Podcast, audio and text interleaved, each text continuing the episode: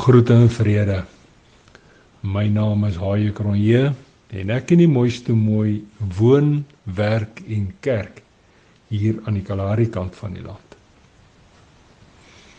As jy die boodskap vertaling se Galasiërs 5 vers 22 lees, dan klink hy so: Die lewe is vol vreugde. Die vrede wat van God afkom, ken en ervaar hulle. Hulle verdra ander mense sonder om ooit lelik met hulle te wees.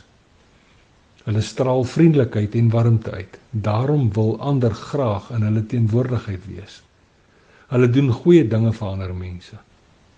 Ander kan altyd op hulle reken omdat hulle self deur dik en dun op God vertrou. Hulle is vol deernis en ontferming. Die Gees stel hulle in staat om hulle self goed te beheer sodat sonde nooit hoogty in hulle lewe vier nie. Vandag se storie se naam Leefstyl vol liefde. Sy swart-bruin oë is leeg gehuil en hy lyk heel verwese langs die lendelam tafeltjie. Senuweeagtig en amper onhandig vroetel hy met sy koffiebeker vol soet koffie. Gertman het sommer oornag oud geword, van die engel van die dood was in sy huis. So 'n paar dae gelede, dis nou net voordat die son se rooi oog daardie oggend oor die vlak begin loer het, het die doodsengel onaangekondig ingekom en vir Mita kom haal. My eg is weg, fluister hy met moeite. Sy is sommer net weg, sonder rede en skielik. En sommer baie skielik. Stilte omvou hom en hy vat eers weer 'n slukkie van sy soet koffie. Mevrou weet, fluister hy snikkend terwyl hy probeer om die mooiste mooi vol in die oog te kyk. Ek was so 'n stukkie voor Mita wakker en het sommer net gelê. Dit was nog vaal skemer en ek kon mooi genoeg sien. Sy het skielik regop gesit en gehoes, so amper asof sy wil keel skoonmaak, maar sy het niks gesê nie net agteroor op die sponsmatras gaan lê en so sy dood.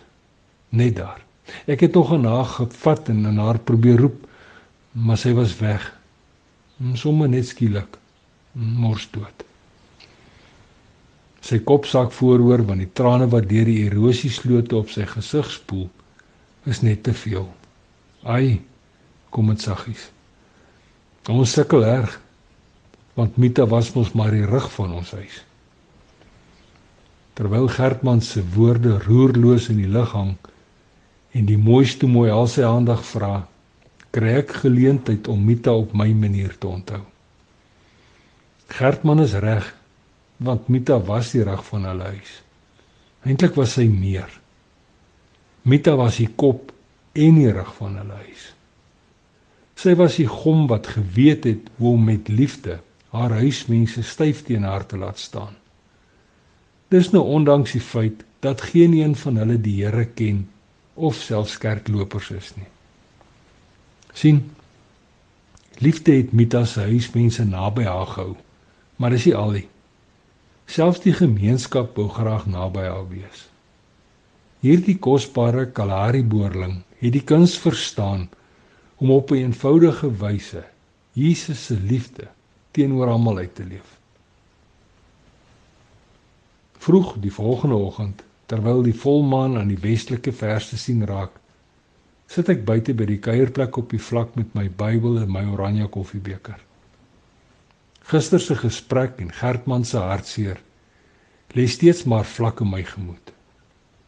Net soos gister langs die lendelam tafeltjie kan ek nie anders as om weer aan Mita en haar ongekompliseerde leefstyl vol liefde te dink nie.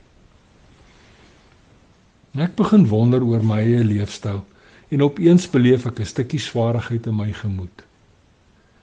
Dis nou daardie soort swaarheid en verslaandheid wanneer die wye wêreld na jou kyk en jy weet verseker jou beste is nie goed genoeg nie. Moet tog nie so neerslagtig wees nie. Dis onnodig man fluister die Heilige Gees net voordat die volmaan wegraak.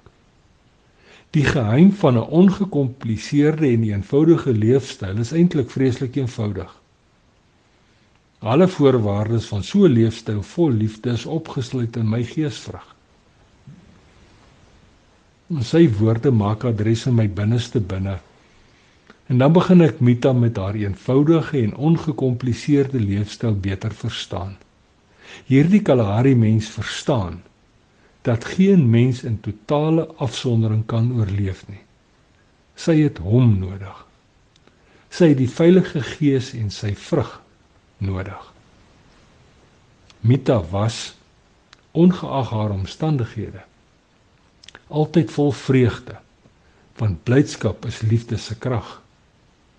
Geduld wat saam met blydskap soos 'n inspandonkie loop is liefde se deursettingsvermoë en daarvan het sy baie gehad eintlik te veel gehad. Mita was vriendelik, wel die meeste van die tyd. Met 'n onthou tog dat vriendelikheid is die liefde se manier van dinge doen terwyl liefde se karakter deur goedheid beduie word raak die Heilige Gees deel van my stille binnekant gesprek. Ek trek op slag my Bybel nader en terwyl ek die laaste gedeelte van Galasiërs 5 hardop vir myself lees begin ek verstaan dat vrede en getrouheid getuig van liefde se sekerheid en van vertroue En om alles te kroon, vertel sagmoedigheid van nederigheid terwyl selfbeheersing die liefde se oorwinning uitlig. Stadig laat ek my kop sak. Ek sit my Bybel neer en ek lig my hande na bo. Help my Here. Help my tog. Ek wil so graag 'n ongekompliseerde leefstyl vol vreugde, geduld, vriendelikheid en goedheid hê.